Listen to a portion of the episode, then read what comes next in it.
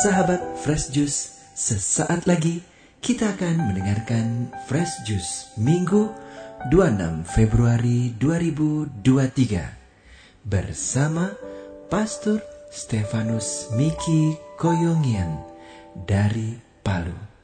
Selamat mendengarkan.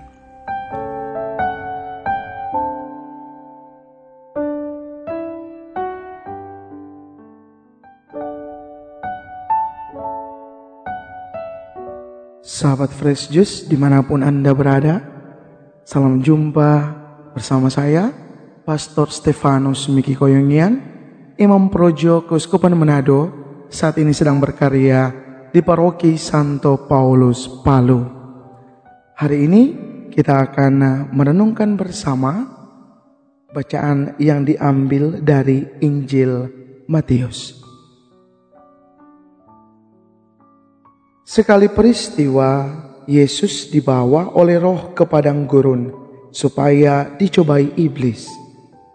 Setelah berpuasa selama empat puluh hari dan empat puluh malam, akhirnya laparlah Yesus.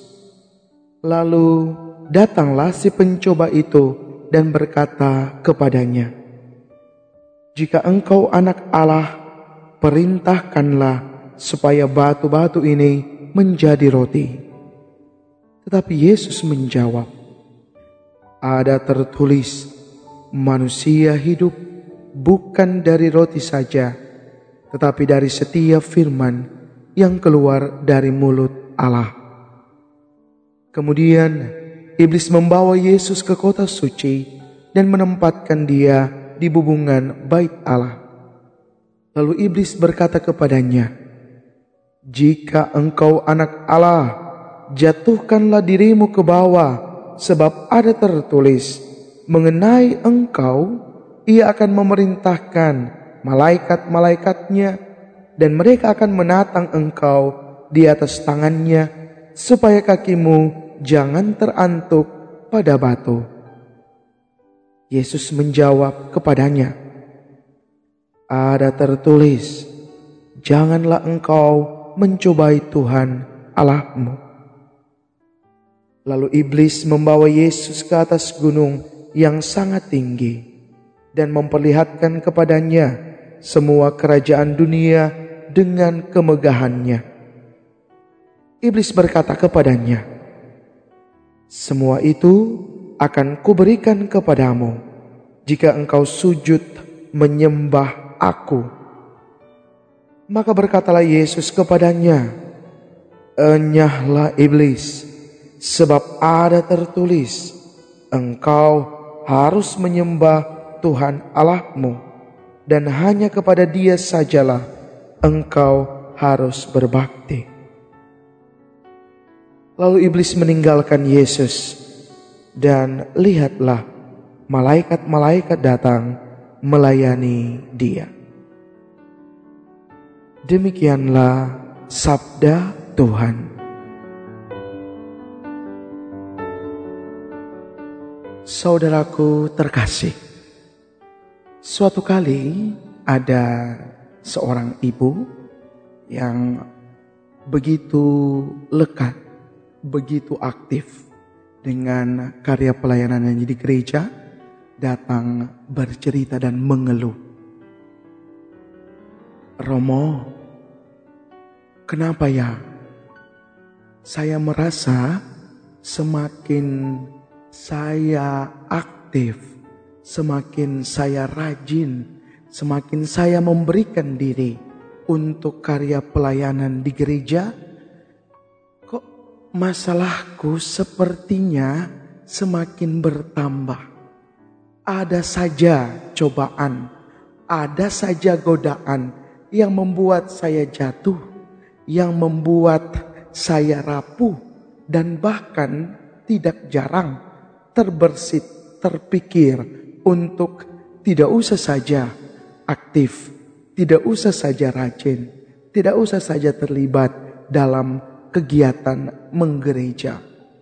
Toh sama saja saya tetap mendapat banyak cobaan dan bahkan cobaan-cobaan itu terasa lebih berat dibandingkan ketika saya masih acuh dengan gereja, masih kurang mau terlibat dalam karya-karya pelayanan. Saudara-saudara yang terkasih dalam Tuhan, hal yang sama mungkin kita alami dalam perjalanan dan pengalaman hidup kita. Ada begitu banyak percobaan, ada begitu banyak tantangan, ada begitu banyak rintangan yang dirasa membuat kita semakin tersudut membuat kita semakin bersalah, membuat kita merasa diri tidak berdaya. Padahal saya sendiri begitu aktif dalam kegiatan pelayanan, saya sendiri begitu rajin dalam ekaristi, saya sendiri begitu rajin dan komitmen dengan doa. Apa yang dialami oleh ibu di awal kisah ini itu adalah sebuah pengalaman yang real dan terjadi di tengah-tengah kita. Intinya, pencobaan itu selalu hadir dan tidak hanya dialami oleh Yesus. Saudara-saudara yang terkasih, iblis dengan berbagai cara datang terus-menerus mencobai kita dengan berbagai macam cara agar apa? Agar dia bisa membujuk kita manusia untuk melepaskan diri dari hubungan dengan Allah. Dan bentuk konkret itu sangat nampak dalam godaan untuk mementingkan kebutuhan sendiri, untuk menyombongkan diri, ataupun untuk menyalahgunakan kekuasaan. Dan Bentuk-bentuk lain dari pencobaan adalah membuat kita yang dekat dengan Allah, yang dekat dengan karya-karya pelayanan, dibuat sedemikian rupa dengan rintangan, dengan cobaan, dengan cerita-cerita yang tidak benar. Untuk apa? Untuk menggoyahkan semangat kita, untuk melemahkan hubungan kita dengan Allah. Dan iblis menggunakan berbagai macam cara untuk menarik kita untuk semakin jauh dengan Allah. Untuk menghadapi godaan itu, Injil hari ini mengajak kita untuk belajar dari Yesus sendiri yang berhasil bertahan dengan dan dari godaan si iblis. Mengapa Yesus bisa bertahan? Mengapa ia berhasil bertahan dalam godaan? Jelas, karena Yesus berpegang teguh pada firman Tuhan yang memberi keselamatan.